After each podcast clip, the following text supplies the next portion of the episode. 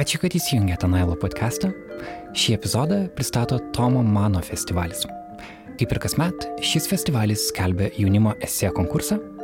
Šiuo metu tema yra orų ženklai. Organizatoriai laukia esė, kurie iš asmeninės perspektyvos apmastytų tokius klausimus kaip koks šio laikinio žmogaus santykis su mūsų supančia aplinka. Ar technologizuotoje visuomenėje šie saitai silpnėja? Ar ekologinė savimonė būtina išlikimo sąlyga?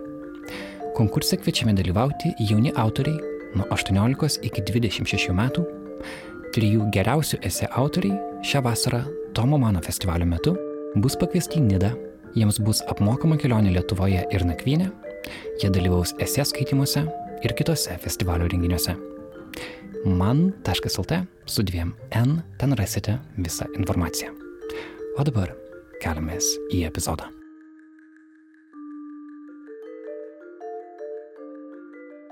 Radio dokumentikos kuriejų Twitteris yra pilnas tokių visokių memų, pastabų ir gifų, kuriuose žmonės ištaško scenarijų visas pusės ir sako, kaip norėčiau, kad kiekviena dokumentika iš manęs nepareikalautų 35 draftų ir visiškai sugniuždytos sielos. Kad jie turi laiko 35 draftam. Būtent, ar tada mes galvom, o dieve, aš norėčiau turėti kokius tris. ir, ir sugniuždytas. Sugniuždyta siela tai yra visada.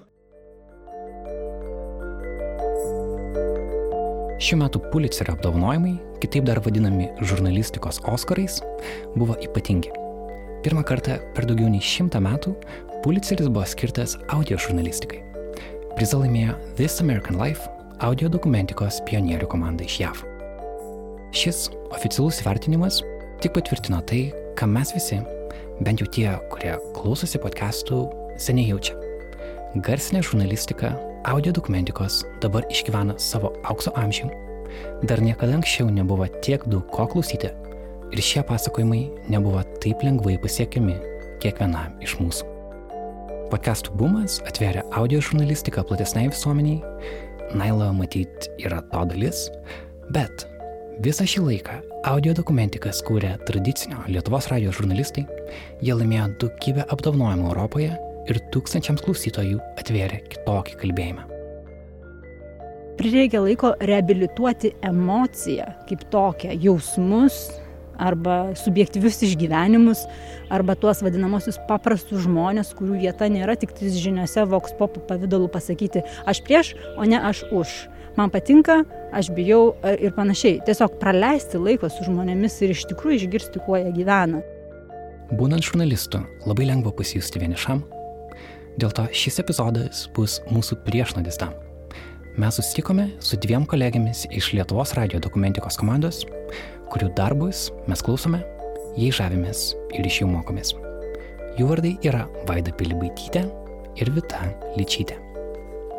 Šį podcastą skirsime pažinti, kaip garsinė dokumentika atėjo į Lietuvą ir ką gali garsas, ko negali kitos medijos. Aš esu Karolis Višniauskas, interviu Vilnius miške atlikome kartu su Martina Šulskute ir prieš keliantis į Martiną, tu esi studijoje čia dabar ir žinau, kad tu pati esi taip pat radio dokumentikų klausytoja, pati taip pat Naila erdvėje, kuri nemažai radio dokumentikų. Kuo tave žavi Vitos ir Vaidos darbais? Labas, Karoli. Vaida ir Vita yra Lietuvos radio producerės, kurios iš esmės pradėjo daryti kažką naujo, kas buvo neįprasta apskritai Lietuvos radijų eteryje. Jos savo darbais daugiau dėmesio skiria garsui. Ir ne tik tai garso kokybei, kaip jis įrašytas, bet ir garso įvairumui, tai yra kokie garsai yra pasakojami. Taigi jos pasakodamos savo istorijas, jas pasakoja ne tik tai tekstu ir žodžiais, jos iš esmės sukuria tokį garsinį pasaulį visam savo pasakojimui. Ir nors Lietuvoje tokius dokumentinius pasakojimus kūrė mažai kas, tačiau Europai pasakotojų bendruomenė yra ga, gana didelė ir įprasta juos kurti ne, ne tik žurnalistams, bet ir kitų sričių žmonėms, filosofams, psichologams, antropologams. Kiekvieno tokio dokumentinio pasakojimo kūrimas yra komandinis darbas, jį įsitraukia daug skirtingų žmonių kad garsai būtų įrašyti, kad pasakojimas susidėliotų ir galiausiai, jeigu yra pasakojamos istorijos iš skirtingų pasaulio vietų, dar įsitraukia ir vertėjai, ir skirtingų balsų skaitovai. Taigi, kaip ir mūsų pašnekovės išgirsit pasakoje, tai toksai darbas ne tik tai, kad yra iššūkis komandai, bet taip pat ir, kaip tu minėjai, kad žurnalistas gali jaustis vienišas, tai šiuo atveju kaip tik duoda tokio kūrybinio komandinio darbo pasitenkinimo. Taip ir turbūt verta paminėti, kad nors šiame epizode kalba Vaida ir Vita, jų komanda yra didesnė ir yra daug žmonių, kurie anksčiau Lietuvos radijo kūrė dokumentikas, kurie dabar galbūt dirba kitus darbus, bet jų um, balsas iš to istorija yra labai svarbus ir daugelį tų pavardžių išgirsime um, taip pat epizode. Ir, ir, mm, ir dar norėčiau taip pat atkreipti dėmesį, kad e, dalis pasakojimų būna sudėlioti tik tai iš herojų balsų ir visa ta didelė komanda gali būti, kad lieka visiškai tyli ir nepastebima, nes jinai lieka už kadro, už garsinio kadro. um, mes turim keletą pavyzdžių uh, Vaidos ir Vitos darbų, uh, kad tie klausytojai, kurie nėra klausę, galėtų susidaryti įspūdį.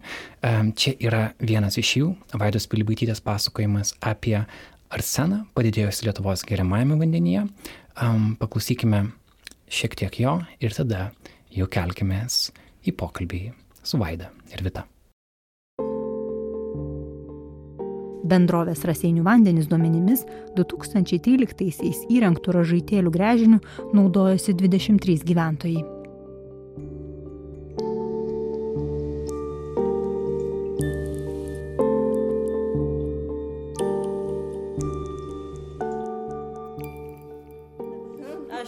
Lietuvos radijo, vat, jūsų žmonai, taip, jūsų žmonai šitą pasakau, kad darau visą tą istoriją per seną.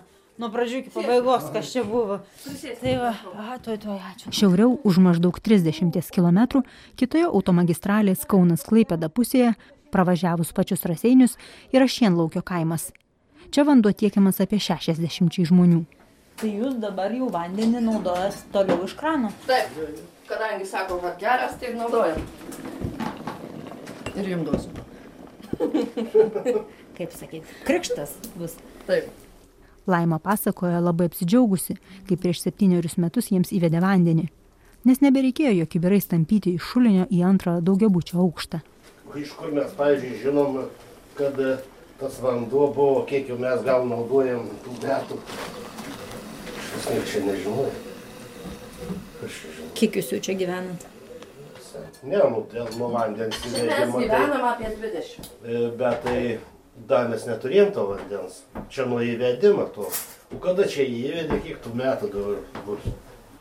O dabar net neatsiminsiu, kiek metų jau turim, bet Nu, jau kokie septyni, septyni maždaug, sakykim. Metai. O tikrint, tikrindavo visą laiką, sakydavo, vanduo kokybiškas. Tik aš nesupratau, ar tą seną tirdavo ar ne. Ar laikas čia rašė, kad ne. Vanduo buvo tai sakot, pas jums išimdavo grinai? Bet čia raseinių vandenis, ne? Kaip aš atėjau į radiją? Aha. Tuomet, kai aš mokiausi žurnalistikos Vilniaus universitete, pirmoji praktika visada turėjo būti spaudoje. Pirmą praktiką spaudoje aš atlikau gimtoji klaipėdui, o po to reikėjo rinktis arba televiziją, arba radiją.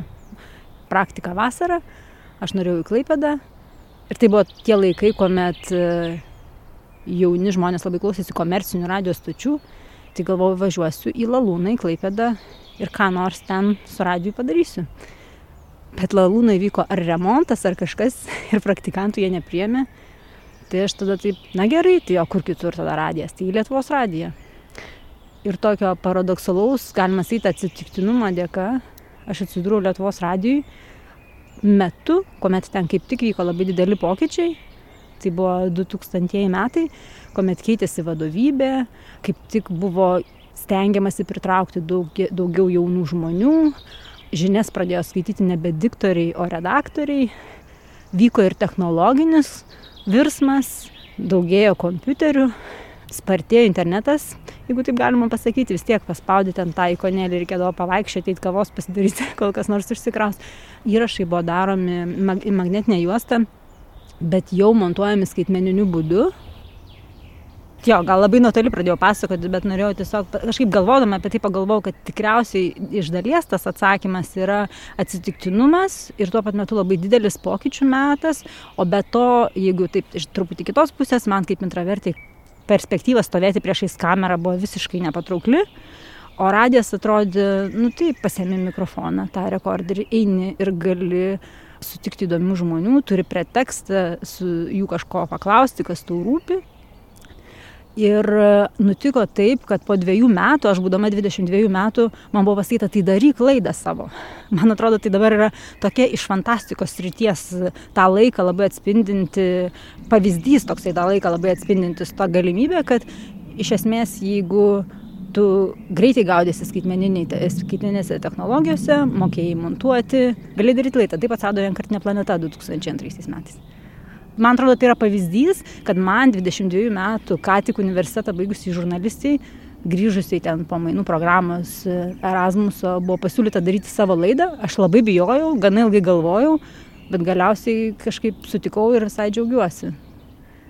Man irgi labai panašus kelias iš Vilnius universiteto, kaip ir didžiosios daugumos, man atrodo, tuo metu atėjusi arba keliarius metus prieš arba po, didžioji dauguma į radiją žmonių ateina per praktiką ir į naujienų tarnybą. Irgi reikėjo pasirinkti ar tarp televizijos, ar spaudos, ar radijo.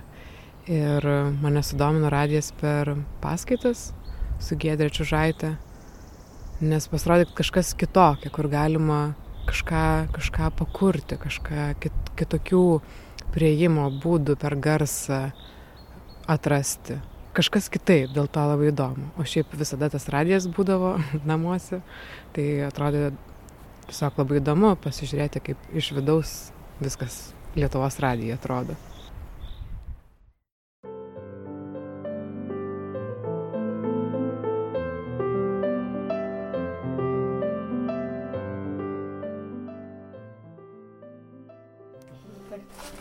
Oi, va, три, четыре, пять, šeši. Esame Lėnos namuose.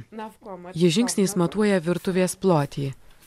Paskui vieno iš dviejų kambarių plotį.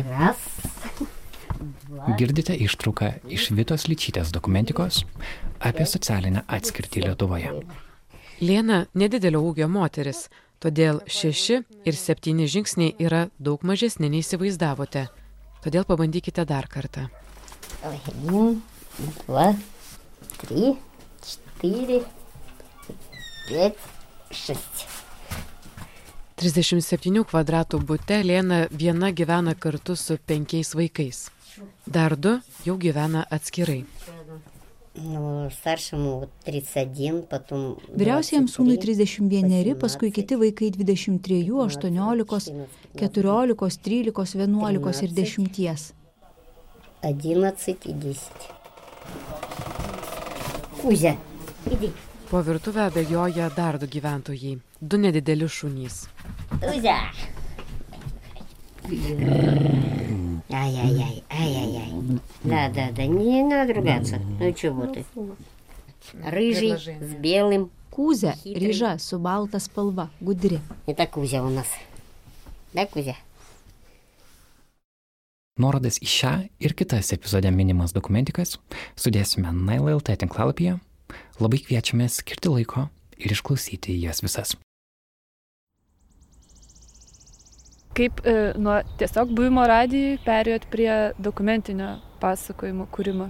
Nes e, bent jau Vaidas, suprantu, ir Vita, abi nuo naujienų tarnybos pradėjot, kur greitas tempas, greitos istorijos ir esmė turbūt yra naujienų to, kas dabar vyksta pateikimas. Dokumentika jau vis dėlto yra istorijų tokių ilgalaikių ir visai kitokių, visai kitokias prasmes nešančių istorijų pasakojimas. Tai kaip jūsų kelias ėjo nuo naujienų tarnybos iki dokumentikos.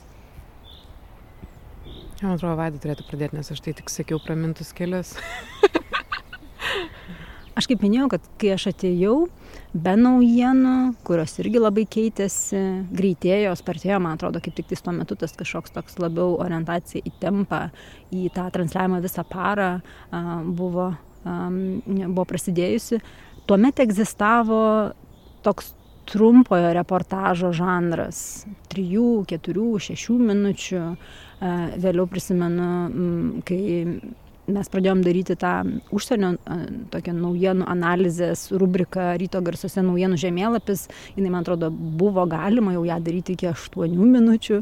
Kartais mes net išsi iš išsikovodavom kokį dvylika minučių nes atrodė kad ypač kai pradedi gilintis į sudėtingesnes temas na pavyzdžiui radioaktyvių atliekų laidojimas. Atrodo kad kompleksiškumas reikalauja ir tau kaip jaunam žurnalistui praleisti daugiau laiko kalbinant žmogų tu ten nepaskambini penkiolikai ar dešimčiai minučių aš pamenu tam vadinamajam trumpajam naujienų žemėlapiui vis tiek su vienu pašnekovu aš prakalbėdavau kokį pusvalandį telefonu arba e, kokiam nors ekspertui į užsienį ten skambini e, kokio nors universiteto profesoriui nori suprasti kai tu kalbiesi su dviem trim žmonėm po pusvalandį tu turi pusantros valandos iš to tau reikia padaryti septynias aštuonias tas dešimt minučių ir tu supranti kad e, yra daug temų kurios reikalauja gilinimosi jautiesi blogai tik palietęs paviršių.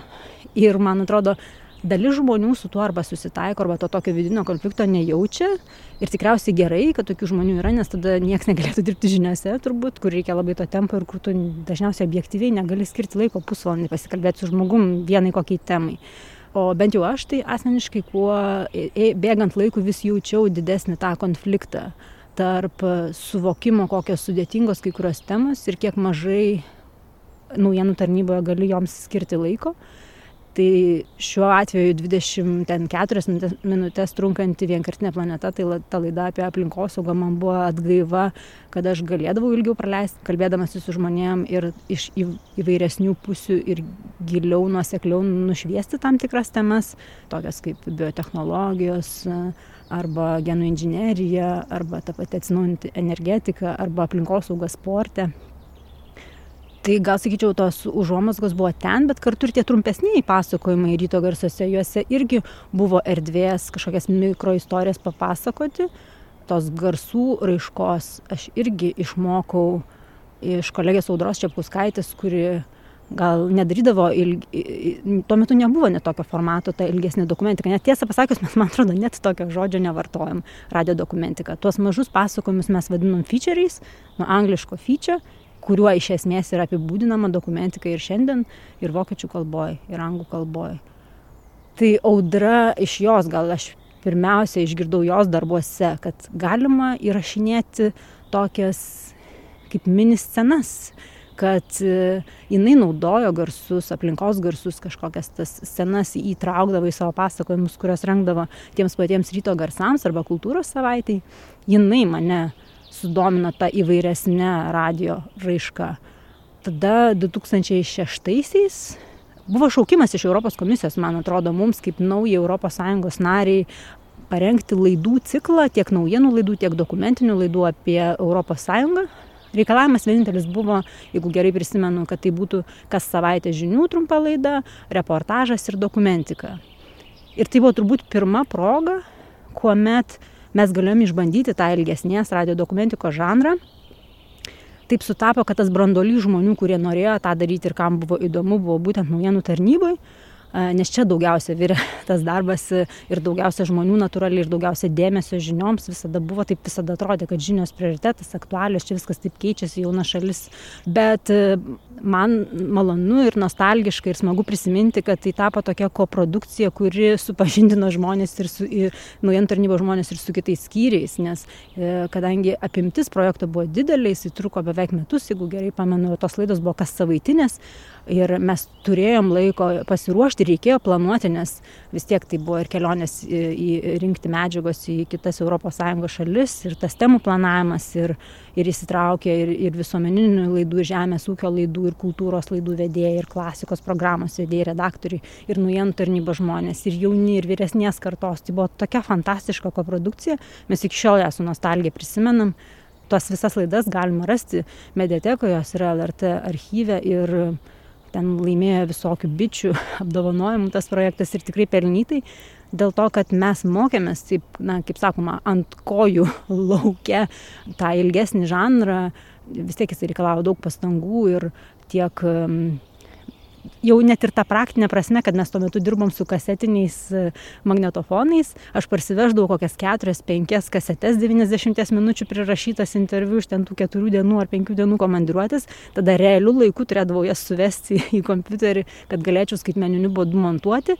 Imlus tikrai laikui buvo darbas, bet išmokė redagavimo, montažo, vertimų, dėliojimo tų pačių sudėtingų istorijų, įsiklausimo ir to tarpkultūrinio taip pat. Tai vis tiek tai buvo pirma proga daugeliu žmonių išvykti rinkti medžiagos žurnalistinės į užsienį. Ar tai būtų Ryga, ar tai būtų Vokietija, ar tai būtų Skandinavija, ar Turkija. Na, visiems tai buvo labai įdomu. Tai va, tai čia, sakyčiau, buvo tokia ryškesnė pradžia ir kažkaip to pasekoje Viktoras Jakovlevas, kuris atėjo tuo metu irgi dirbti į radiją kaip naujienų redaktorius jaunas, jisai, kaip jisai sužinojo apie tarptautinę meistriškumo, radio dokumentikos meistriškumo mokyklą į bijų. Ten buvo didžiulis konkursas, jisai jį laimėjo, bet aš pamenu tada, jisai tikriausiai buvo žmogus, kuris supažindino su stereo mikrofonu ir zoomu, vienu iš tų pirmųjų zoomų mus visus, nes jisai labai susidomėjo garso įrašymo kokybę, nes tai va, irgi buvo tos skaitmeninės technologijos, kurios atėjo pagaliau ir į, ir į Lietuvą. Jisai domėjosi Amerikos dokumentikos grandais, tokiais kaip Stats Terkel, užsisakinėjo jo knygas ir visus metus per, per nuotolį ten ir tiesiogiai vykdamas į, į, į, tos, į tos mokymus su kitais jaunaisiais Europos radio dokumentikos kuriejais, jis grįždavo toks įsikvėpęs ir švytintis, kad tą mūsų brandolį, kuris e, buvo vat, toj naujienų tarnybai tų žmonių, kurie rengė tuos pasakojimus su dokumentikos bruožais, jis mus labai įkvėpė ir per jį mes sužinojome apie tarptautinę radio dokumentikos konferenciją, kuri yra nuo 1974 metų Europai kasmet vykstantis susitikimai vis kitoj radio stoti, e, kitos šalies, e, kur žmonės susitinka ir jie klausosi vieni kitų darbų, vieni kitus kritikuoja, klausosi e, ir geriausių, ir blogesnių, ir diskutuoja apie žanrus, apie mokyklas ir taip toliau. Tai va 2000 aštuntais mes su Justina Mitkaitė, kita kolegė, kuri irgi rengia dokumentikas Lietuvos radijai, nuvažiavam Varnui į tą konferenciją ir bent jau man tai jinai apvertė visą radio pasaulio aukštinkojam. Nes aš tada supratau, kad palaukit, dokumentikos gali būti ne tik tai beriamus kaip žirniai sieną, nereikia susakyti visko, ką sužinoja apie temą. Nebūtina pakalbinti 20 žmonių. Nebūtinai turi būti viena pusė, kita pusė, gali būti tiesiog subjektyvi žmogaus patirtis, kuri tave visiškai išmuša iš pusiausvėros ir apverčia tavo pasaulį. Gali būti garsų pasaulis, visiškai savitas. Man tai buvo pirmas kartas, kai aš apskritai susidūriau su kažkokiu visai kitų man nežinom ir nematytų radio pasauliu. Nebūtinai aš ten viską supratau, aš ten sėdėjau absoliučiai išsigandusi, mes abi su jūs te buvom, nes mes bijom žodžio pratarti, tai yra tokia įdomi labai, nes tai labai tokia demokratiška patirtis, nes visą savaitę žmonės suvažiuoja iš Europos, bet šiaip iš, iš viso pasaulio yra tarptautinė, atvira visiems, užsidaro savaitę ir nuo ryto iki vakaro vien klauso įvairiausiamis kalbomis tų dokumentikų. Ir paskui po, po pietų susiskirsto į grupės ir jas aptarinėja mažesnėse grupelėse. Kartais labai brutaliai, kartais labai negailestingai. O mes taip sėdim su Juste, mūsų kažko klausė, kaip mes galim ką nors sakyti, mes nelabai darusios tų dokumentikų. Nu, žodžiu, mums tiesiog buvo įdomu stebėti, bet e, tai buvo gal buvo mano pirmas kartas, tada įvyko krizė ir kitų dalykų gyvenime, dėl kurių aš paskui nebegalėjau jas važiuoti ir net radijų nebedirbau, bet tada, kai grįžau 2014, pirmas dalykas, ką aš susiradau, tai yra, kur vyks ir kada kita tarptautinė radio dokumentikos konferencija ir nu, jau penkeri metai, kai aš kasmet ten važiuoju ir ne tik į šitą ir kitas. Ir tai yra man absoliuti radio dokumentikos mokykla, bendruomenė. Ir jeigu ne jos, tai aš nedirbčiau turbūt šiandien radijui, jeigu ne tie sustikimai. Čia tokia trumpa, ilga istorija.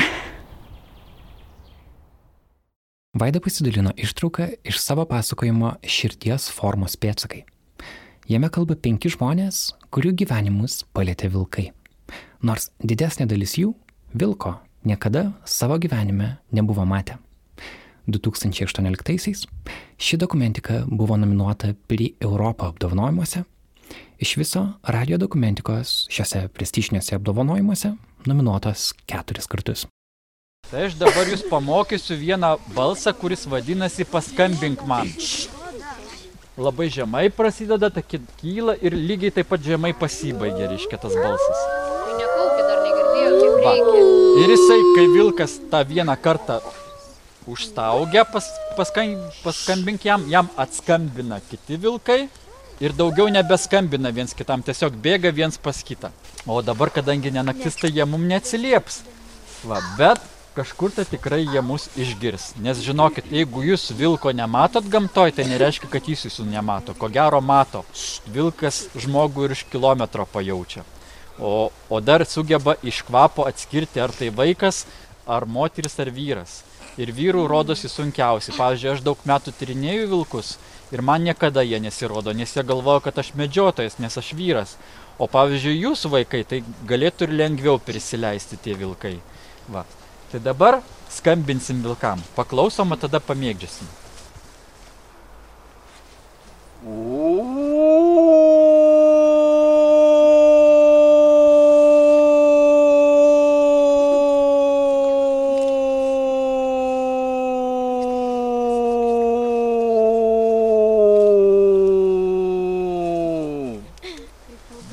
Pabandom. Čia neiškvepiant taip. Nu, Taip, o ką, negali. Tai yra jausmas nepakartojamas, kada tu girdi vilko staugimą, persmelkia tave visą ir...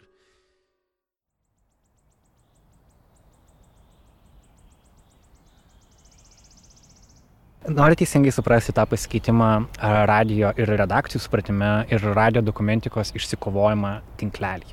Nes turbūt tradicinis supratimas buvo tas, kad radio eteris yra brangus, kad kiekviena minutė eteryje yra mm, svarbi, joje turi būti kažkas būtinai pasakyta, žmonės turi sužinoti naujos informacijos ir dėl to netgi klausant e, tavo pačios vaida pirmasis radio dokumentikas, kuriomis prieš įrašom su mumis pasidalinai, pavyzdžiui, apie atominę energetiką Europoje 2006 metais. Jaučiasi, kad tu turėjai limituotą laiką, ten bras 20 kelios minutės ir per jį dar buvo 6 ar 5 pašnekovai.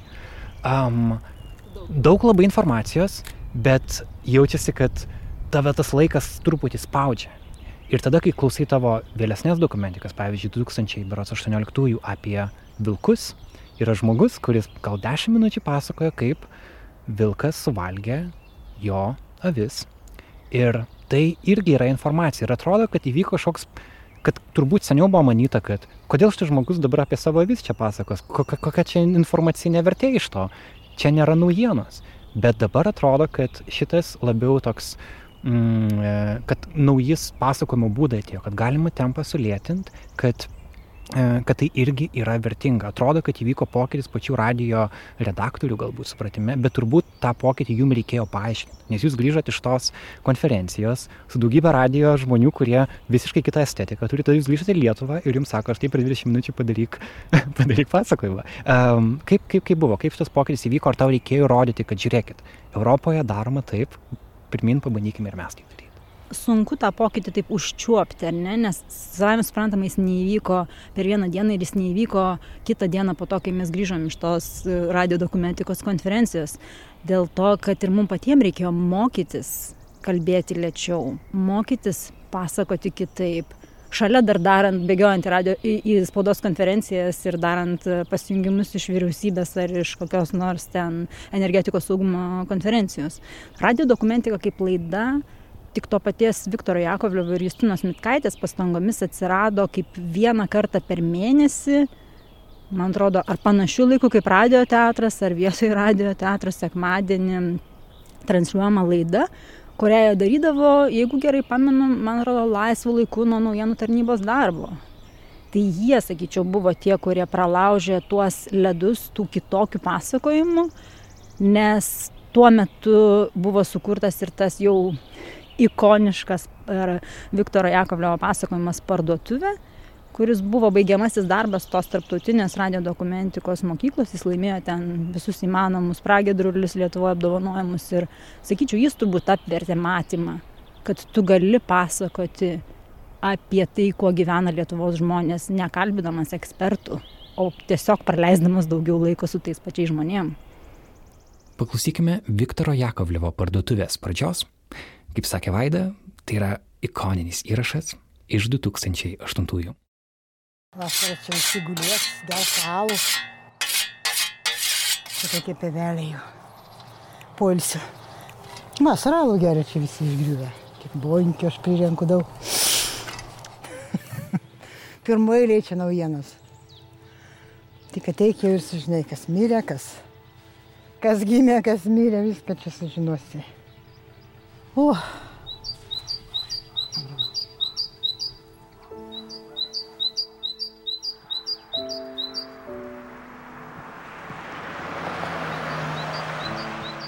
Jei nuo užvenčio pasuksi 159 keliu į šiaurę link kuršienų, šitos vietos nepražiopsosit. Sodriai žalia skarda apkaltas vieno aukšto nedidelis pastatas yra prie pat kelio. Virš langų užrašas parduotuvė. Iš vienos pusės autobusų stotelė, kur autobusai stoja du kart per dieną. Iš kitos nedidelis plotas žolės ir keli medžiai. Parduotuvė yra prie pat sankryžos, kur gatvė vedanti gilinį kaimą atsimuša į pagrindinį kelią.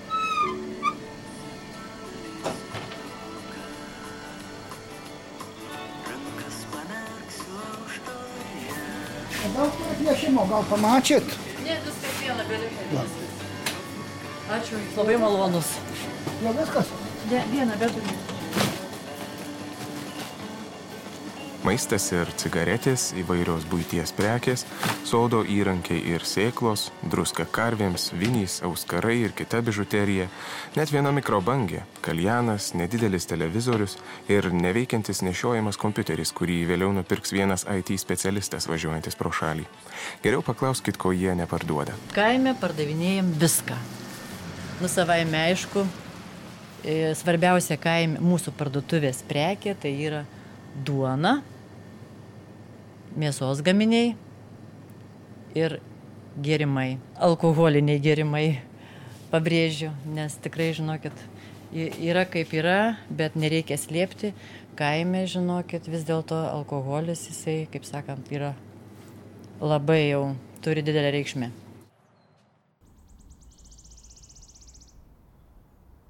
Prireikia laiko reabilituoti emociją kaip tokią, jausmus arba subjektyvius išgyvenimus, arba tuos vadinamosius paprastus žmonės, kurių vieta nėra tik tais žiniuose voks pop pavydalu pasakyti aš prieš, o ne aš už. Man patinka, aš bijau a- ir panašiai. Tiesiog praleisti laiko su žmonėmis ir iš tikrųjų išgirsti, kuo jie gyvena. Ir, ir ieškoti tų istorijų ir tiesiog leisti žmonėms kalbėti, leisti žmonėms kvepuoti per radiją. Man atrodo, iki to laiko labai ir montažas buvo tokia ta tradicija, kad visas pauzes reikia iškarpyti, nes kaip pats minėjai, kad eterio laikas brangus, mes turim greitai greitai viską susakyti, nes tiek visko pasaulyje daug. Ir ta pauzė atrodė kaip kažkoks techninis brokas. Tai reikėjo laiko ir klausytojų ausį, man atrodo, ir redaktorių ausį pripratinti prie to kalbėjimo. Ir tiesiog, man atrodo, tam reikėjo laiko ir tai vyko tik dėl to, kad e, buvo žmonių, kurie norėjo tai daryti ir kurie norėjo tai daryti dažnai savo sveikatos, laisvalaikio sąskaitą, šalia kitų darbų, neretai naktimis ir panašiai. Ir aš labai džiaugiuosi, nes dabar man atrodo yra stebuklingas laikas, kai mes esam, mes dabar jau skaičiavam šešiesi, tai yra absoliuti fantastika, nes pavyzdžiui, jeigu ne Vita, tai nežinau, manęs irgi radijų nebūtų. Rūta, Inga, Adomas, kuris prie mūsų prisijungė čia, galima sakyti, visai prieš pat karantiną, Sigita.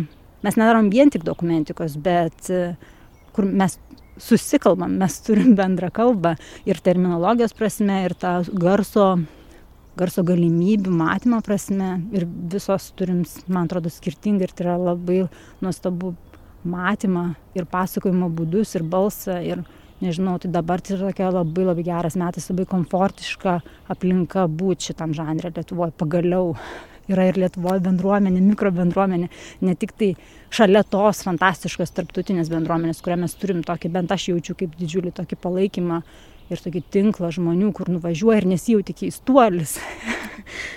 ir tai, tai. Super. Kalbant apie dokumentiką, svarbu suprasti vieną dalyką. Ją sukurti reikia laiko. Kartais labai daug laiko. Kaip sako Vaida ir Vita, kiek laiko turėsi, tiek ir prireiks. Šis darbo užkulisio momentas yra vienas esminių, apie jį jos papasakoja daugiau. kai mes nuvažiuojame vėl tas pačias dokumentikos konferencijas ir, nu, neišvengiamai ateina tas klausimas, kiek laiko jūs darėte šitą laidą? Kokia jūsų komanda, kokio dydžio, kiek jau tų draftų buvo. Ir, ir mes taip sakom, nu taip, primetam, e, man atrodo, tie patys vilkai, ar kas ten buvo, kiek tu tau darai. Nu, šalia kitų darbų, gal tris savaitės. Jie sako, aha, o po to postprodukcija, taip? Ne, čia su viskuo. Kaip su viskuo? Jie nesupranta, jie nesupranta, kaip mes per tiek laiko padarom. Nu, ne visi daro po metus, be abejonės. Ir ta pati BBC kažkada esu girdėjus tokią, tokią, tokią trukmę kaip 15 darbo dienų. Ne, va, bet čia irgi nežinau, ar čia iki, iki postprodukcijos jau to, ar jau iki studijos, ar, ar, ar, ar kiek, bet trumpėja tas laikas visiems. Niekam nėra lengva, tas tempas jis toks visuotinis, kažkoks tas tempo garbinimas yra ir kaštų taupimo, ta mantra yra, ne vieno neaplenkia. Bet nežinau, man tai atrodo, kad Lietuvoje vis dar atrodo, kad dokumentiką padaryti, kad skirti dokumentikai dvi savaitės yra pakankamas laiko tarpas arba kad mes turim, yra tas toks įsivaizdavimas, kad tarsi mes turim daugiau laiko. Bet aš kažkaip jaučiu, kad man to laiko vis trūksta ir trūksta ir kad kažkaip atrodo, jeigu turėtum jo šiek tiek daugiau, tai galėtų būti dar geriau, dar labiau išieškota, dar labiau būtum pailsėjęs, ne taip greit perdegtum. Bet tu dar darai aplinkosaugos laidą kas savaitę? Dabar jau yra nuostabu, kad yra rūta, kad va jau vėl grįžta Inga, dabar aš jau turiu netgi dvi kolegės, tai mes dalys, dal, dalysimės trise. Ir tas kitas darbas, kurį darysim, bus dokumentika, tai paskirstyti savo laiką bent tarp dviejų tokių teminių sričių arba žanrinių sričių jau yra nuostabu. Ir, ir kažkaip tas aš labai irgi džiaugiuosi, kad to tokio supratimo, kad kai kurie žanrai ir kai kurios temos jos yra imlesnės laikui ir kad verta yra jas padaryti, skiriant tam laiko, klausytojai maloniau, turinio prasme tai yra, yra, yra įdomiau, įvairiau ir kad ta įvairovė, nu bent jau visuomeninis transliuotojas jos turėtų turėti. Tai man atrodo, čia ir misija sutampa, ir podkastų vadinamoji revoliucija padeda, nes nežinau, čia jūs turėtumėte atsakyti, bet turbūt tos dokumentikos jos kaip podkastai irgi visai susiklauso, ne tik kaip eterio kūriniai. Geriau negi kaip... Ai, čia negerai, čia gal taip kalbėtų per radiją. Bet, nu, man atrodo, didelė dalis tų dokumentikų yra labai palankios klausyti per ausines, nes mes dėliodamos garsus pagalvojame apie tai, kad būtų, galbūt ne visose laidose, pagal galimybės, kad būtų malonu klausyti per ausines. Ir šiaip e, ausinėse, man atrodo, tas artumas, man atrodo, didesnis. Ausinės dažniausiai, man atrodo, susijusios su podkastais. Nu, jeigu mes dar pažaidžiam su stereo ir jeigu naudojame įvairesnius mikrofonus, tai tiesiog net labiau atsiskleidžia tas pastangos, kurias mes įdedam, jis atsiskleidžia labiau per ausines. Tai dar ir dėl to. Bet kur yra magija važiuoti užstrikti kamštyje mieste ir išgirsti, kai tave nukelia į visiškai kitą erdvę, o ne tiesiog klausytis muzikos. Tai, Man atrodo, tada, kai radio dokumentika būna, nebūna kamščių. Sekmadienį ryte ir pirmadienį vakare. Mhm. Jau, nebūna Bet kamščių. bet, bet, bet jeigu klausaisi atsisiuntęs, Ai, tai tada gali klausyti bet kada. Bet e, yra tas toks, e, dažnai sakoma, kad um, podkastų taip gerai gali klausytis ten virtuvėj plaudamas indus arba bėgiodamas arba vaikščiodamas. Aš nežinau kaip tie kiti žmonės bet pavyzdžiui aš jeigu klausausi laidos arba dokumentinio pasakojimo kuris man labai patinka aš noriu tiktais tai daryti. Aš tada metu visus tuos indus aš sustingstu vidury virtuvės kaip vat buvo paskutinį kartą tikrai klausant helenos meriman šitą tunnel 29 dokumentiką apie kaip 62 man regis metais buvo kasamas tunelis iš rytų į, vakarų Berliną. Ir ten tokie tie vadinamieji cliffhangeriai ir toks pasakojimo intensyvumas ir tas garsų pasaulis, aš nieko kito negalėjau daryti. Ir man taip dažnai būna su tom istorijų dokumentikom, kur yra turtingas garsinis pasaulis, man gaila žmogaus darbo, o aš žinau, kiek įdeda darbo klausytis per mašinos garsiakalbius arba per blogas ausines. Uh, tai tiesiog ir iš pagarbos to žmogaus darbui aš tada noriu skirti, man geriausias laikas yra tamsoje atsigulus lovai prieš miegą. A, tiesiog guli lovai, įsidėsinės ir tu klausai, kaip, pavyzdžiui, kiti žmonės gal skaitytų knygą. Taip, taip. Užsimerkus, būtinai. nu, taip, taip. Tai čia turbūt prie to e, atsiranda ir jūsų iniciatyva radio klausyklos, kuri kviečia ir kitus žmonės e, patirti panašų pojūtį, kai tu tamsoje arba labai patogioje atmosferoje gali atsiduoti būtent to pasakojimo išklausimui. Galit gal dar trumpai ir apie tai papasakot, kaip atsirado ta iniciatyva. Radio klausyklos. Mes kažkaip tarpusavį, tarp kolegijų su Vaida dažnai kalbėdavom apie tokią nuostabią galimybę, kad žmonės susirinktų kažkokioje neįpareigojančioje erdvėje ir klausytųsi visi kartu su kažkokiais minimaliais pristatymais a, radio pasakojimo. Bet šitą radio klausyklą, taip atrodo, mes tik kalbėjom, kalbėjom, o paskui e, kolegija Marielė Vituro sako, e, davai būrėmės ir darom radio klausyklą. O pavadinimas gimė, aišku, vėliau, bet ta, ta idėja, darom tokią idėją. Ir mes susitikom ir pradėjom daryti, taip labai paprastai ir trumpai papasakojus. Tai tai yra kaip kino teatras be kino, tik tai ausim. Man atrodo, Vaida turėtų problemą su šito palyginimu su kinu.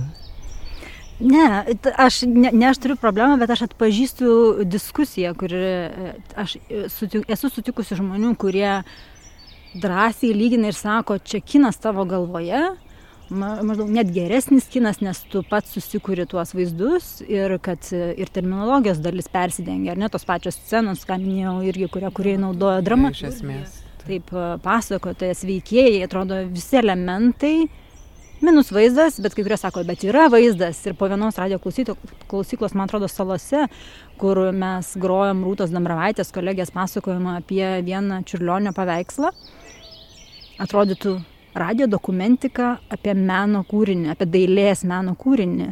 Neįma, misija neįmanoma, tikrai prieš keletą metų, kas būtų pasakęs, bet iš tos klausyklos žmonės išėjo, sako, paguglinau, toks kaip ir įsivaizdavau klausydamas, negaliu patikėti, kad radijas gali būti toks vizualus. Tai man atrodo, geras radijas tikrai gali būti vizualus, bet ne tik. Nes yra žmonių, kurie sako, nustokit lyginti su vizualiosiom medijom, nes tai yra net daugiau. Radijas yra labiau, ir aš čia sutinku, labiau fizinė gali būti patirtis. E, Tokia emocija, plus garsas, garsas yra tikrai trimatis ir ger, gerai papasakoti garso kūriniai, e, tos pačios radio dokumentikos, jos turi, tu klausydamasis jų, tu jauti erdvės pojūtį ir ne tik tais toli, arti, bet ir aukštai, žemai, o dar kur visos tos ir binauralinės įrašymo technologijos, net ir tokia bir- per BBC laidą, kuri vadinasi Between the Ears. Man atrodo, jeigu neklystu, visi pasakojimai ten yra įrašyti tokie, kur tu turi klausyti su ausiniam ir tu girdi tai, ką girdėjo tas pasakotas ar tas žmogus, kuris įrašė. Tai man atrodo, tai nėra tas pats, kas kinas, tai yra kažkuo panašu, bet taip pat tai taip pat yra ir savita. Labai savita ir bent man tai yra kažkaip tikrai labai artima dar ir kaip kuriejai, nes galimybės neribotus. Šitoje vietoje dar e, kilo man klausimas apie įvertinimą ir kiek jūs jo gaunat, nes atrodo, kad tam tikrą prasme gal ir ne visai dėkingoj tarsi zonai esat atsidūrusius, bent taip iš šono žiūrint, kur galbūt iš dalies jūs mato kaip žurnalistas arba dirbančias žurnalistikoje, tačiau žurnalist, kaip žurnalisto darbas galbūt jis ne, nebėra tiek vertinamas ir nebeturi to, tos pagarbos ir kažkokios, kažkokio respektabilumo. Kita vertus, vat, gal kaip ir aš paklausiau, e, taip greitai suformuoluodama, kad e, radio dokumentika tarsi kinas be vaizdo ir ar, ar nepritrūksta to pilnesnio jūsų darbo įvertim, įvertinimo ir matymo, kad tai nėra tik žurnalistika, kad tai nėra tik kinas be vaizdo. Dar tuo labiau, kad kinas galbūt jis turi tokią tarsi ir šlovę, kad ten labai daug žmonių dirba, labai įspūdingas istorijas papasakoja, daug emocijų pažadina. Ar nesijaučiat kartais taip užmirštos ir kažkiam nuo šaly tarsi užutekis stovėdamas? Aš gal nesikoncentruoju į to, ko trūksta. Negalvoju. Ar, nu taip, gal būna kažkokių momentų, bet man atrodo,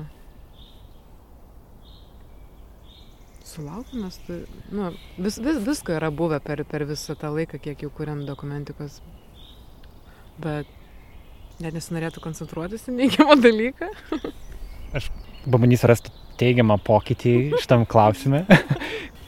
Ar jūs nepatiriat šiuo metu išgyvenančio kažkokio naujo susidomėjimo galbūt radio dokumentika, kuris ateina iš to, kad žmonės atrado podcastus ir tada pamatė, kad, o, Lietuvoje, žiūrėkit, kažkas šitą dalyką darė jau dešimt metų, tai mes to nematėm. Kad galbūt ta e, turbūt labiau amerikietiškai išpopuliarinta radio dokumentika, kaip tie patys jau klasikiniai pavyzdžiai. Serial, S-Town, This American Life, kuris dabar ką tik Pulitzerį laimėjo.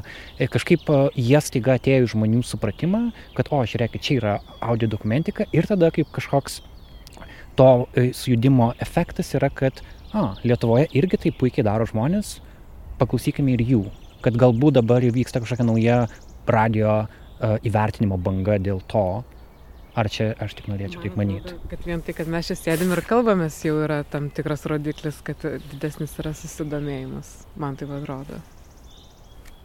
Galima sakyti, ar ne? Bet iš mano pusės tikrai yra. Ne, bet e, iš dalies, kodėl mes kalbame būtent dabar, yra tas pats Pulitzerio prizas įteiktas This American Life. Pirmą kartą JAV šitą didžiulį apdovanojimą žurnalistams atkreipė dėmesį, kad, aha, audio žurnalistai irgi daro didžiulį darbą, duokime ir jiems šitą prestižinį prizą. Tai um, dabar yra tok, šiek toks sujudimas dėl to, bet, sakau, bendrai man atrodo, kad žmonės pradėjo klausyti ir tada tarsi atrado, kad, aha, čia yra lobiai LRT archyve, kurio niekas nematė anksčiau. Šiaip labai sunku pamatuoti, kaip buvo anksčiau ir kaip yra dabar. Mes neturim kažkokių tokių rodiklių, tokių aiškių skaičių, kad galėtume ar, ar nuomonių kažkokių anksčiau sudarytų, dabar sudarytų, kad galėtume palyginti. Viskas yra labiau toks pajutiminiu būdu. Gal problema yra tokia didesnė dėl to, kad apskritai tai, kaip yra daromi radio klausomumo reitingai um, ir jie daromi retai ir kažkokių tokių kokybinių apklausų jei ir yra buvę, tai nedaug ir, ir, ir nežinau, ar jose buvo kas nors apie radio dokumentiką. Aš tik tais prisimenu dabar, klausydamas iš to klausimo, kad netaip labai seniai, gal pernai, LRT darė kokybinę būtent radio klausytojų apklausą, kur detaliau klausė e, žmonių, ko jie klauso, kas jiems patinka ir mums buvo labai malonu pamatyti, kad radio dokumentiką patys klausytojai išskyrė prie tų laidų, kurios jiems patinka ir kurios, jeigu gerai pamenu, jie vertina kaip aukštos kokybės. Tai čia turbūt buvo ne naujausias toks labiausiai apčiuopiamas e, e, ženklas, kad žmonėms patinka, jie priima ir supranta, bet taip pat ir net ir tos apklausos apie klausomumą laidų, kurios yra daromos du kartus per metus, jos irgi rodo gana aukštus radio dokumentikos reitingus, nors tai yra saliginai netaip seniai reguliariai eterija transliuojama laida. Ir kaip pagalvoji, ar sunku tai susijęti su kažkokiu pasauliniu reiškiniu, podkasto ateimu ir tokiu intensyviu dabar ateimu į Lietuvą, nes atrodo galbūt tai galima žiūrėti iš tos pusės, kad um, tiesiog mes jau turim tam tikrą įdirbį ir ta, turim užsiauginę tam tikrą klausytojų ratą. Tiesiog taip sutampa, kad šalia yra ir podcastų iš, išpopuliarėjimas, bet kartu ir mes jau ilgiau dirbam ir jau turim tą klausytojų ratą, kurie galbūt um, skleidžia žinę Jo, gal man dar įdomu tai, kad jūs pasakėt, kad klausytojai išskiria arba pastebi profesionalumą ir kokybę laidos. Ir aš nežinau, net man gal kyla bejonė, ar podcastus Lietuvoje apskritai žmonės labai galėtų su kokybė susijęti, kad e, tiesiogiai galbūt nebūtinai tada jūsų laida tampa panašiai podcast'ai, jeigu jis siejasi su kokybė, podcast'as kaip tik su tokia labai neaiškia forma, bet kokio žmogaus galėjimu jį daryti, techniniais gal mažesniais reikalavimais. Yra toks paradoksas ir man už tai sunku kalbėti apskritai apie podkastus kaip, kaip tokius, nes tą ir analizę, kiek man teko skaityti ataskaitų, pavyzdžiui, podkastų rinkos apžvalgos, ten yra išskiriama, kad didžioji dalis vis dėlto yra pokalbių laidos, yra tų vadinamųjų storytellingo podkastų, tai yra kažko, kas būtų už artimą radio dokumentikai, pasakojimai su kažkokia dramaturgija, garso dizainu ir, ir panašiai. Jų nėra tiek daug, bet jų daugėja. Kodėl jų nėra tiek daug, tikriausiai mes atsiremėme tokį labai prozišką priežastį, kuri yra ištekliai, finansai ir laiko ir e, įdirbis. Ir tradiciškai juk radio dokumentikos namai buvo radijai. Ir dažnai radio stotis, kurios galėjo sauliaisti, kaip aš nemėgstu tos formuluotės, bet nu, turėjo ten ar radio teatro, kartu su radio dokumentika net ir skyrius, garso dizainerius, dramaturgus, net ir dabar, pavyzdžiui, Čekijos radijai bent trys žmonės dirba prie radio dokumentikos. Autorius, dramaturgas ir garso dizaineris. Radio stotise, nors tie skyriai traukiasi, kai kurie yra naikinami, bet vis dar kuriamos yra daugiausia radio dokumentikos arba perkamos iš, iš nepriklausomų producerių, kaip Vokietijoje yra įprasta, arba taip pačiai Norvegijoje, arba Danijoje. Tai tos laidos irgi prieinamos kaip podkastai, bent jau man tai yra įdomiausi podkastai, aš vat, jų daugiausia klausau. Juos man atrodo, kad irgi atranda vis daugiau klausytojų. Ir dar kas yra labai įdomu, šalia to gimsta ir true crime, kuris man gal net tiek įdomus, bet ir uh, radio teatras, bet ne radio, o audio teatras, tas fiction irgi pasakojimai, kurių yra labai įdomių ir juos kuria ir nepriklausomi kuriejai, ir dažnai nepri, nepriklausomi kuriejai, ten kokie, aš, nebūtinai tai yra valandos opusas, bet po 15 minučių ir serialai netgi uh, tie audio fiction irgi labai įdomi nauja sfera ir kur, kur man atrodo irgi aš pavyzdžiui iš jų semiuosi įkvėpimo ir, ir mokausi irgi ir man atrodo, persidengimai yra įdomus šitų žanrų.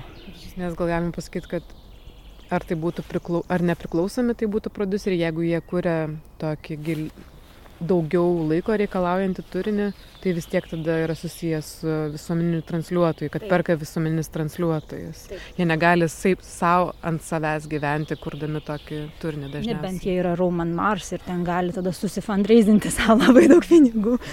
Teisybės dėliai tas pats This American Life arba visi uh, vėlesni tos komandos kūriniai kaip Serial S-Town, tai yra pati vadinamo public radio, viešai finansuojamo radio, kaip ir LRT produktas. Tai yra tradiciniai radio žmonės, tai nėra šiaip kažkokie uh, youtuberiai sugalvoja daryti kažkokią savo produkciją. Tai, tai jo, jie galbūt žmonės atrado tai kaip podcastus, bet techniškai yra tos pačios viešojo radio laidos.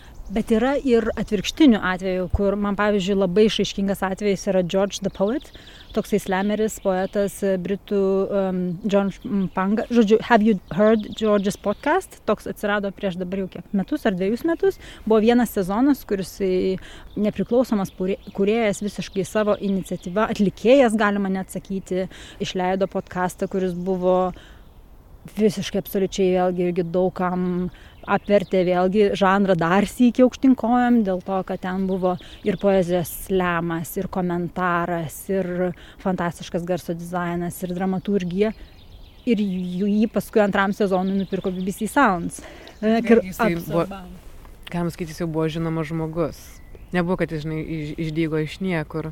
Bet, bet turiu omeny, kad ne tik tais gimsta korporacijose ir radio stotise talentai, ta rink, nežinau, ar tai žodis rinka, bet tas pasaulis, kurie jis yra toks įvairus ir, ir toks margas, bet e, grįžtant prie tavo klausimo apie tai, ar radio, kurie yra nepelnytai nuvertinti arba turi mažiau galimybių, gal netgi tą patį finansavimą gauti, kai yra nepriklausomi kuriejai, negu televizijos ar kino kuriejai, tai aš esu girdėjusi šitą tokį nežinau, kas tai yra, ar nuogastavimas, ar konstatavimas e, situacijos irgi iš ir iš britų kuriejų, ir iš nepriklausomų australų kuriejų, kurie sako, kad padėtų kelti tą profesijos ar, ar kūrybos formos prestižą tos pačios kritikos profesionalios atsiradimas. Jeigu mes daugiau apie tai kalbėtumėm, analizuotumėm, kas mums patinka, kodėl, kokie yra gero pasakojimo arba e, elementai, arba kas veikia, kas ne. E, ir galbūt jeigu apie tai žmonės daugiau rašytų, tai analizuotų, atsirastų kažkokia bendra kalba, daugiau žmonių susidomėtų, įvertintų, pamatytų, kiek tai pastangų reikalauja ir panašiai. Tai ir tada taip atkreiptų dėmesį ir tų pačių fondų, kurie yra finansavimo pagrindinis šaltinis tiek Junktinėse valstijose, bet taip pat ir Europoje dažnai nepriklausomi kuriejai ar į valstybinius fondus, ar į privačius fondus kreipiasi e, finansavimo savo ilgalaikiams projektams. Tai yra susiję ir, ir su galimybėmis finansuoti tuos žmonės, kurie tai kuria, jeigu jie tai daro nepriklausomai, pavyzdžiui. Tai man atrodo, kad yra ta problema, jinai ją įvardė ir kiti kuriejai kad tarsi kažkodėl visada galvojama, kad, žinot, ir yra ta tokia, dar kitas toks labai nuvalkėtas terminas, kad radijas yra pigi medija, gamybos prasme. Na, reikia tik tais mikrofono, studijos sėdi žmonės, transliuoja, nieko ypatingų kaštų. Bet man atrodo, gal jau reiktų permastyti, performuluoti ir, ir tą tokį, tą tokį mitą greuti ir technika kainuoja pinigus, ir montažo programų licenzijos kainuoja pinigus. Man atrodo, brangiausias yra laikas. Brangiausias yra laikas. Patiko ta mintis, kai aš išgirdau iš mūsų tos lektorės um, Danų radio producerės Rikės Haut, kuri, su kuria mes turėjom fantastišką galimybę turėti mokymus uh, poros dienų pernai rudenį. Uh, jinai sakė kad danijoj radijo dokumentika yra pripažįstama kaip literatūros žanras kaip meno forma tokia kuriai tu gali tada kreiptis finansavimo kai būtum autorius rašytum knygą. Man atrodo jeigu aš neklystu ar prieš dešim metų maždaug jau jie to pasiekė danijoje ir tai jiems tikrai labai to žanro kūrėjams labai atvėrė daugiau galimybių Prieš perinant į paskutinę pasakojimo dalį, noriu padėkoti visiems klausytojams, kurie palaiko mūsų darbą finansiškai. Kaip ir kalbėjome su Vaida ir Vita, radijas kainuoja, kurti garsinius pasakojimus yra darbas. Nustabu, kad LRT, viešas mūsų transliuotojas, į tai investuoja ir tikiuosi, kad tai bus ir toliau. Nepriklausomiems kuriems, tokiems kaip mes, reikia ieškoti kitų finansavimo būdų ir mes džiaugiamės, kad juos galime rasti savo Patreon bendruomenėje. Nuo praėjusio epizodo naujai prisijungia šie klausytojai. Tai yra Dalia, Jeva Pabiršytė, Jeva Bartkutė, Augustinas Paukštė, Egidijus Kabošis, Greta Janulytė, Andrius Simaitis, Simas, Jonas Bačelis, Tadas Taduko, Aurelijus, Richardas Jonaitis, Agne Eidimtaitė, Arklystu, Martinas Barkauskas, Edvardas Krapas ir Ingrita Barkauskaitė o savo skiriamas sumas padidino Gabrielė Urbonaitė, Raminta Jonikaitė ir Vilma Gaučytė. Ačiū Jums visiems. Šiuo metu mes turime virš 500 klausytojų, kurie investuoja į Nanuk darbą. Tai yra rekordinis skaičius mūsų Patreonė, jis atneša daugiau ramybės prieš galimai artėjančią krizę. patreon.com slash nanuk multimedia toks yra adresas norintiems prisijungti. galbūt Lietuvoje nėra iki galo įsisamoninta, kodėl šitas žanras yra vertingas. Turbūt ne tik Lietuvoje. Kad, žinai, jeigu sukuri filmą, atrodo, žinai, žmonės pasipošia, nueina į premjerą, yra kažkoks įvykis, yra e, recenzijos ateina. Taip, tai yra kažkoks mm, sukurta jau visa schema, kaip atrodo, pažiūrėjau, filmo premjera. Kaip atrodo audio dokumentinio pasakojimo premjera, jie atrodo, jis išeina į eterį ir tarsi, ir, ir tada pasieka daug žmonių, bet visas, visa ta patirtis yra tokia labai individuali. Ir galbūt tie, kurie to nėra patyrę, tiesiog nelabai supranta, kame čia vertė. Ir aš pats savo bandžiau suprasti, kur čia yra vertė, kuo garsinis pasakojimas, kuo jis mane paveikia kitaip negu vaizdo pasakojimas, negu, pavyzdžiui, teksto skaitimas.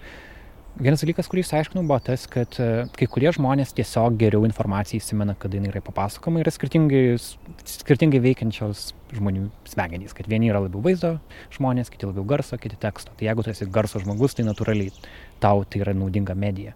Bet taip pat man įdomus tas sluoksnis, kad taip šitas žanras išlaisvina tavo vaizduotę ir ką tai praktiškai reiškia, kad tu bent jau aš savį pastebiu, kad aš atsisakau dalies kažkokių stereotipų, kuriuos aš natūraliai savo galvoje turiu. Kad jeigu aš girdžiu, kaip žmogus kalba, aš susikuriu įspūdį, kaip jis atrodo ir man tas įspūdis yra pakankamas. Ir jeigu aš realybėje pamatyčiau, kad tas žmogus, a, jis yra, nežinau, jis yra aukštas, arba jis yra labai žemas, arba jis turi juokingą drabužį, arba dar kažką, kad tu tada pagal tuos vizualius dalykus aš pradėsiu vertinti tai, ką jis sako, kad, mm, gal iš tikrųjų jis E, netiesą sako, arba kaip tik, gal šis labai solidžiai atrodantis ekspertas iš tikrųjų žino, ką kalba. Tai prasme, kad kai lieka tik tai pats kalbėjimas, intonacijos, e, kažkokie žmogiški dalykai, kurių tu negali vaizdu kažkaip pakeisti, tada tu labiau įsiklausai, ką žmogus kalba ir tavo stereotipinis mąstymas, tu kartais net nežinai žmogaus odos spalvos. Daug faktorių išnyksta ir tada tu realiai įsiklausai žmogų be vizualių dalykų. Man tas yra didžiulė vertė. Nežinau, kaip jūs atsakiusios, kur ta vertė audio pasakojime, kurios nėra kituose žanruose. Tikrai pakartočiau viską, ką tu sakai dabar. Gali pakartoti. Man atrodo, čia viena yra iš stipriųjų pusių, kad uh, garso pasakojimai apsaugo nuo iš ankstinio žmogaus nuteisimo jį pamačius. Nes e, tikriausiai, aišku, aš, aš neskau, kad e, kino dokumentika yra prastesnė, bet tiesiog pamačius žmogų, pirmiausia, pamatai vaizdą, kaip sakoma, kad pagal išvaizdą žmogus sutiksi, nes tikriausiai taip ir yra, tiesiog taip veikia mūsų instinktai, mūsų smegenis. O čia pirmiausia, tu išgirsti tą žmogų, atkrenta vis, visi vaizdiniai blokai, kurie gali užkirsti, išgirsti iš tikrųjų žmogų, ką jis nori pasakyti, ką jis turi pasakyti ir iš tikrųjų įsiklausyti jo patirtį. Absoliučiai pritariu, man atrodo, kad e, garsas, radijas yra demokratiškesnis šią prasme. Mikrofonas yra mažesnė invazija į žmogaus privačią erdvę nei kamera. Aš taip kažkaip manau. tai man atrodo dėl to dalis žmonių komfortiškiau jaučiasi kalbėdami ir greičiau gal atsiveria ir mažiau jaučiasi kaip ant scenos. O tai padeda ypač jeigu tema pokalbio arba istorija yra skaudi arba trauminė, arba jeigu reikia apsaugoti žmogaus privatumą, kažkaip tada yra lengviau ir su mikrofonu gali arčiau prie žmogaus prieiti kai nėra pandemija ir kai nėra karantino. Bet tai yra svarbu ir tai yra svarbu ir tam pačiam ryšio užmėsgimui tarp tavęs ir pašnekovo. Ir man atrodo, kad šiaip su mikrofonu tu kaip kuriejas esi ir, ir laisvesnis, ir lankstesnis, ir mobilesnis, Nors aišku, šiais laikais galima filmuoti kokybiškai ir su mobiliuoju telefonu, taip kaip ir rašinėti galima ir žmonės rašinėja irgi su mobiliuoju telefonu. Tai technologijos, aišku, keičia dalį tų dalykų, bet vis tiek to kontakto, savitarpio ryšio, man atrodo, tiesiog kalbantis. Mikrofoną yra lengviau pamiršti, o jį svarbu, man atrodo, pamiršti ilgo gilaus pokalbio metu vien tam, kad na, priartėtume prie tų dalykų, prie kurių norim priartėti, kai norim parodyti tą tikrovę kokia jinai yra, parodyti jos su visais jos niuansais, su visais laikė besivystančiais vingiais ir, ir kai norim papasakoti ypač kažką, kas vyko labai seniai ir kaip mes atėjom čia, kur esam, tai nežinau, man kažkaip atrodo, garsas vis tiek jis yra taupesnis, talpesnis ir lankstesnis tam, tam, tam tikslui pasiekti.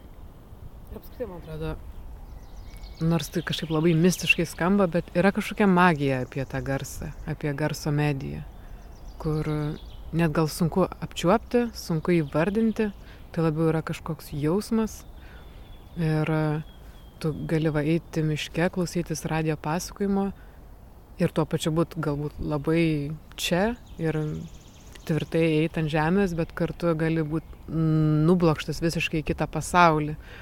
Ir man atrodo, kažkas čia dar yra labai neišaiškinto, nes tada tas, tas radijas tampa labai, radijas garso pasakojimai, tampa labai asmeniškas, nes nei tau pasako, ką tu turi matyti, tai yra ir per tavo patirtis įvairias, dėl to jisai tampa toks asmeniškas ir savas. Man atrodo, visi radio kuriejai garso pasakojimų sutiktų, kad yra kažkokia magija, kuri, kuri traukia ir kurią gal net sunku įvardinti. Tas pats visas garsų pasaulis, erdvės sukūrimas iš garsų. Ta tamsa, kai už, užmerkia akis žmogui ir tu tik girdi tos garsus. Tave į visiškai kitą pasaulį perkelia. Bet kartu labai artima, nes tas, bet kaip sakom, kad kuria vaizdus galvoje. Tai tos pačios mintis pašnekovo tampa kaip ir tavo ausim, nes jos skamba tavo galvoje. Ir geriau gal net pavyksta suprasti, įsigilinti į tai. Nes jeigu žiūrėtume į vaizdą ir yra pašnekovas, jis kalba, kažkas vyksta už jo nugaros, mes viską analizuojam ir tikriausiai yra sunkiau susikoncentruoti į tik į tai, ką jis sako, nes yra daugiau dirgiklio. Man dar atrodo, kad, pavyzdžiui, aš susidūriau su tuo ypač nušviesdama aplinkosaugos temas arba pasakodama istorijas apie gamtą.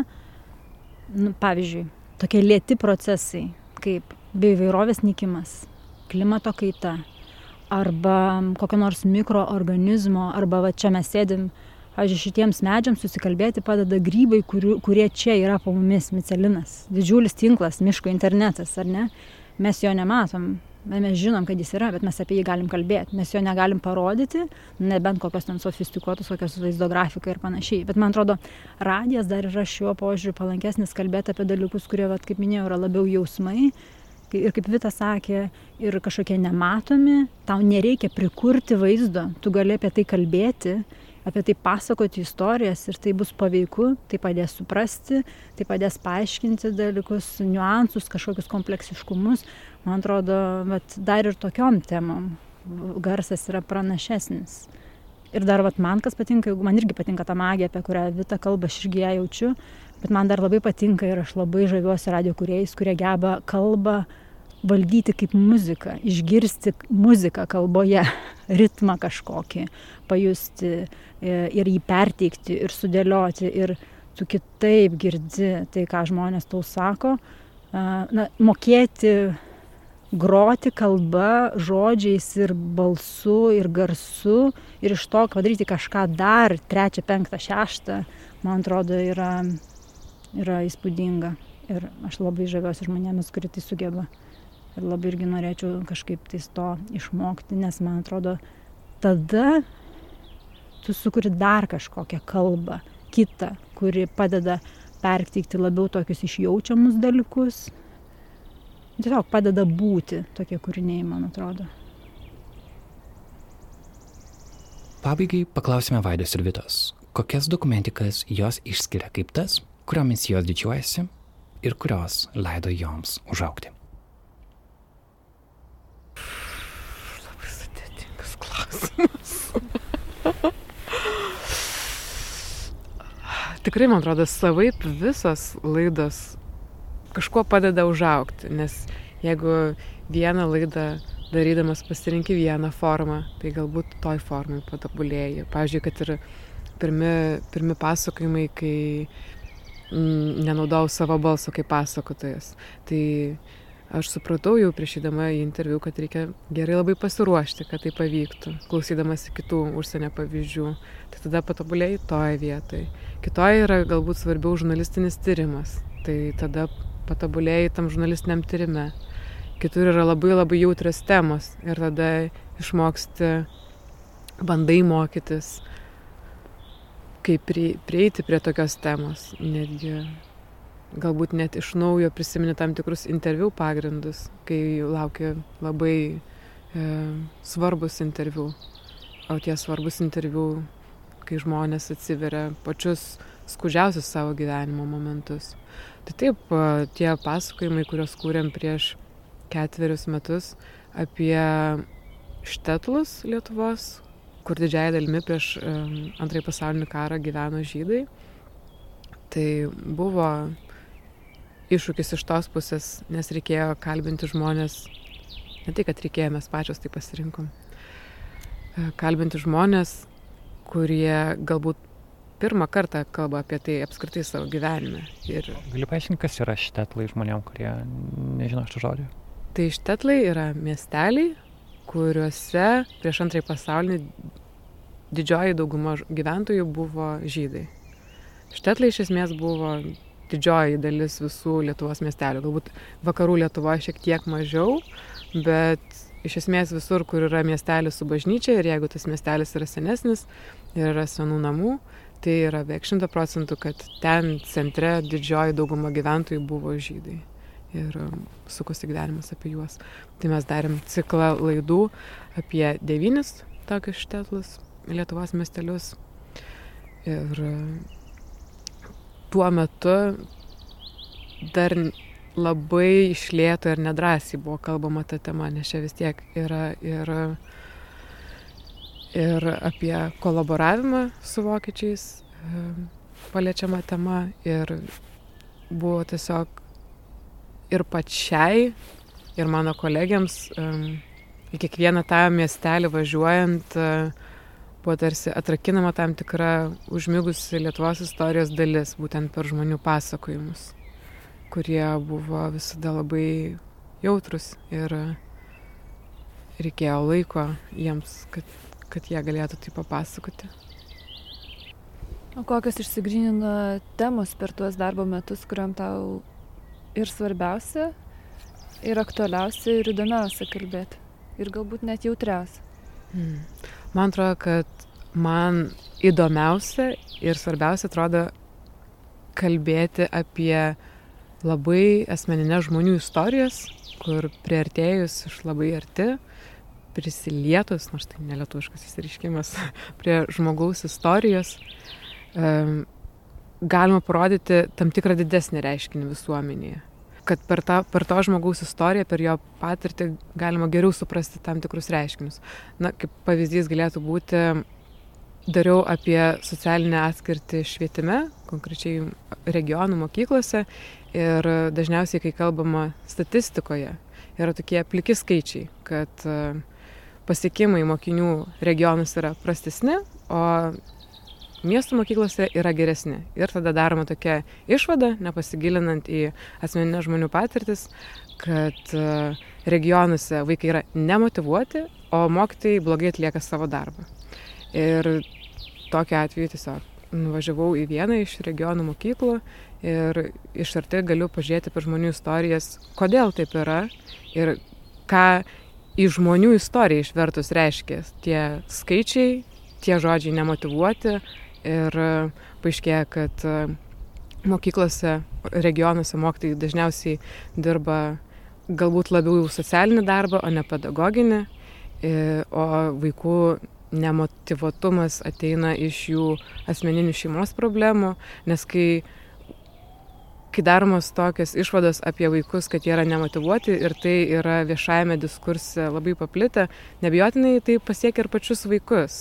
E, ir man atrodo, tai tikrai nepaskatina ir jų pačių mokytis, bet kai iš arti pasižiūri per konkrečią mokytojo istoriją, to paties socialinio darbuotojo, kuris tikrai įdeda visą savo širdį ir daug daugiau savo laiko, negu jam reikėtų pagal jo darbo valandas į savo darbą ir gauna tokį nedidelį atlyginimą ir kai kiekvienas mokytojas turi pastebėti tą vaiką, kodėl jis šiandien nieko nesprendžia ir paklausti, tai kažkas atsitiko tavo šeimoje. Ir tada nuvažiavau į vieną, į, į namus, didelės šeimos namus ir net jeigu tai labai tvarkingai gyvenanti šeima, bet viena motina augina daug vaikų ir bandžiau parodyti per jos istoriją, kad įkalinta tam tikrų sąlygų, nes galbūt ji galėtų važiuoti į Vilnių. Rajone darbo nėra, ji tik kars nuo karto turi darbą, gyvena iš pašalpų, kad užsidirbtų daugiau, jie žino, kad gali važiuoti į Vilnių, bet jinai neturės pinigų užsimokėti nuomai, o kaip su vaikais, kuriuos palikti tada vaikus, jinai neteks vaikų. Ir tiesiog iš arčiau pasižiūrėti, ką reiškia tie skaičiai ir tokios išvados iš, iš toli padaromos, tas, ta statistika. Tai man atrodo, Taip, grįžtam prie klausimo, kad man mm, svarbu pasakoti žmonių istorijas, kurios padėtų vieni kitiems geriau suprasti ir, ir įsiklausyti, kad um, tokiu būdu, čia yra toks, tokia kaip viltis šito darbo, padėti aukti didesniai empatijai ir supratimui visuomeniai. Viena iš tokių um, svarbesnių darbų savo vis dėlto laikau um, tą dviejų dalių ciklą apie arseną geriamam vandenį, nes um, čia buvo viena iš tų istorijų, kur pasidedi į aplanką kompiuteryje, kad reiks prie to grįžti kažkada, tada tarp visų darbų, kai turės, reiks prie to grįžti, kai turėsi daugiau laiko. To laiko neatsiranda, bet tada vis dėlto sugrįžti prie to ir čia šiuo atveju buvo, man atrodo, aš tą regioninės spaudos pranešimą perpublikuotą portale prie jo grįžau po gal pusės metų, kuo ten viskas baigėsi, kažkaip pasižiūrėti. Čia kalbam apie atvejį, kai Raseinių rajone buvo nustatytas padidintas e, arseno kiekis geriamam vandenyje. Tri, tris mėnesius gyventojams buvo tiekiamas vanduo buteliuose, o paskui buvo trumpai paskelbta, kad kaip ir išspręsta problema bet kai dirbi su aplinkosaugos temom ilgesnį laiką, tu supranti, kad ne, čia taip paprastai gal greičiausiai nebuvo. Ir tada grįžus prie tos temos paaiškėjo, kad ir pasigilinus, kokie tie buvo sprendimai, paaiškėjo, kad tie sprendimai gal nebuvo geriausi, kad problema niekur nedingo, o to pasiekoje buvo pradėtas platesnio masto tyrimas ir paaiškėjo po poros gal metų, kad ne tik tai Raseinių rajone yra ta problema arseno geriamam vandenyje. Tai aš prie, po to prie tos temos dar grįžau į vienkartinį planetoj dar du kartus ir greičiausiai vėl reikia grįžti, nes tai yra tebesitėsianti istorija su požeminio po vandens tarša nuo kurios neapsaugotos ypač mažosios vandenvietės Lietuvoje. Tai man čia tokia gal pavyzdys tokios tikrai viešo intereso klasikinės temos, kuomet reikia skirti daugiau laiko pasigilinti tam, kad parodytum sistemos spragas, kurios tiesiogiai veikia žmonių sveikatą. Tai gal šitą aš išskirčiau.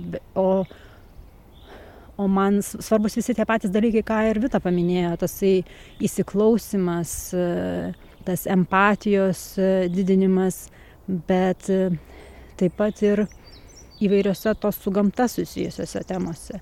Nes e, to konflikto tarp žmogaus ir gamtos ir konfliktų tarp žmonių dėl gamtos, jau mano tie minėti ir plėšrūnų atvejai, ar tai būtų vilkai, ar tai būtų stumbrų apsauga, ar tai mm, būtų ta pati klimato kaita, kur yra apskritai visuotinė problema, žaliosios erdvės mieste, kurios supriešina bendruomenės. Man atrodo, čia yra tos, tos, tos temos, kurios figuruoja žiniuose nuolatos, bet tam, kad tu iš tikrųjų išgirstum žmonės, reikia atsitraukti, kartais reikia palaukti porą metų, reikia prisiminti tuos žmonės. Ir čia taip įdomi gaunas dabar pati suvokiu bendradarbiavimas tarp tų dviejų uh, sferų tarp vienkartinės planetos ir radio dokumentikos, kai rengdama tą labiau tokią kas savaitinę, labiau arčiau aktualių esančią laidą, aš sutinku žmonių, su kuriais paskui verta vėl susitikti radio dokumentikai. Ir man atrodo, tai pasiteisina. Nepaisant to, kad dalinti tą savo dėmesį nėra lengva, bet to tokio įdirbio prasme, kuris su metais tu suvoki, kiek tas įdirbis yra svarbus, tiek šiaip gyvenimiška patirtis, man atrodo, irgi padeda.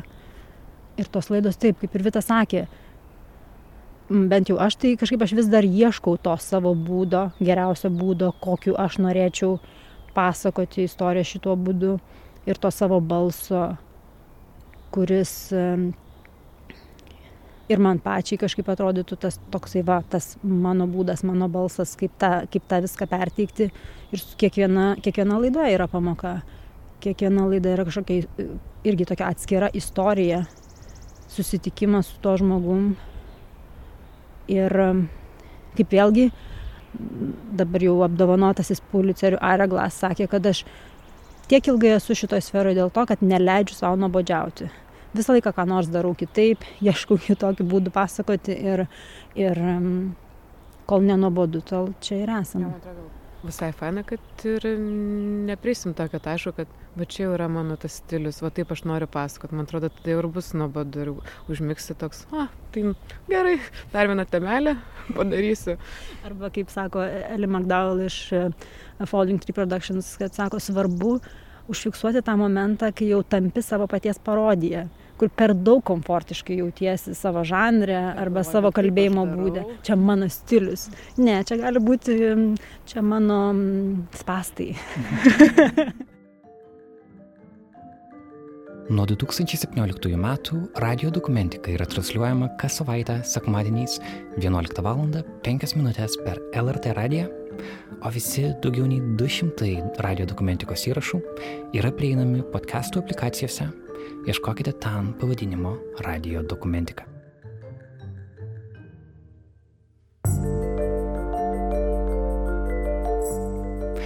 Ačiū Vaidai ir Vitai už jų laiką ir už įkvėpimą, kurį savo darbais jos duoda. Mes tikime, kad garso žmonės turi būti kartu ir palaikyti vieni kitus. Tad jeigu jūs klausotės Nailo podcast'o, duokit šansą LRT radio dokumentikoms. Tai yra naujas, galbūt jūsų dar neatrastas pasaulis.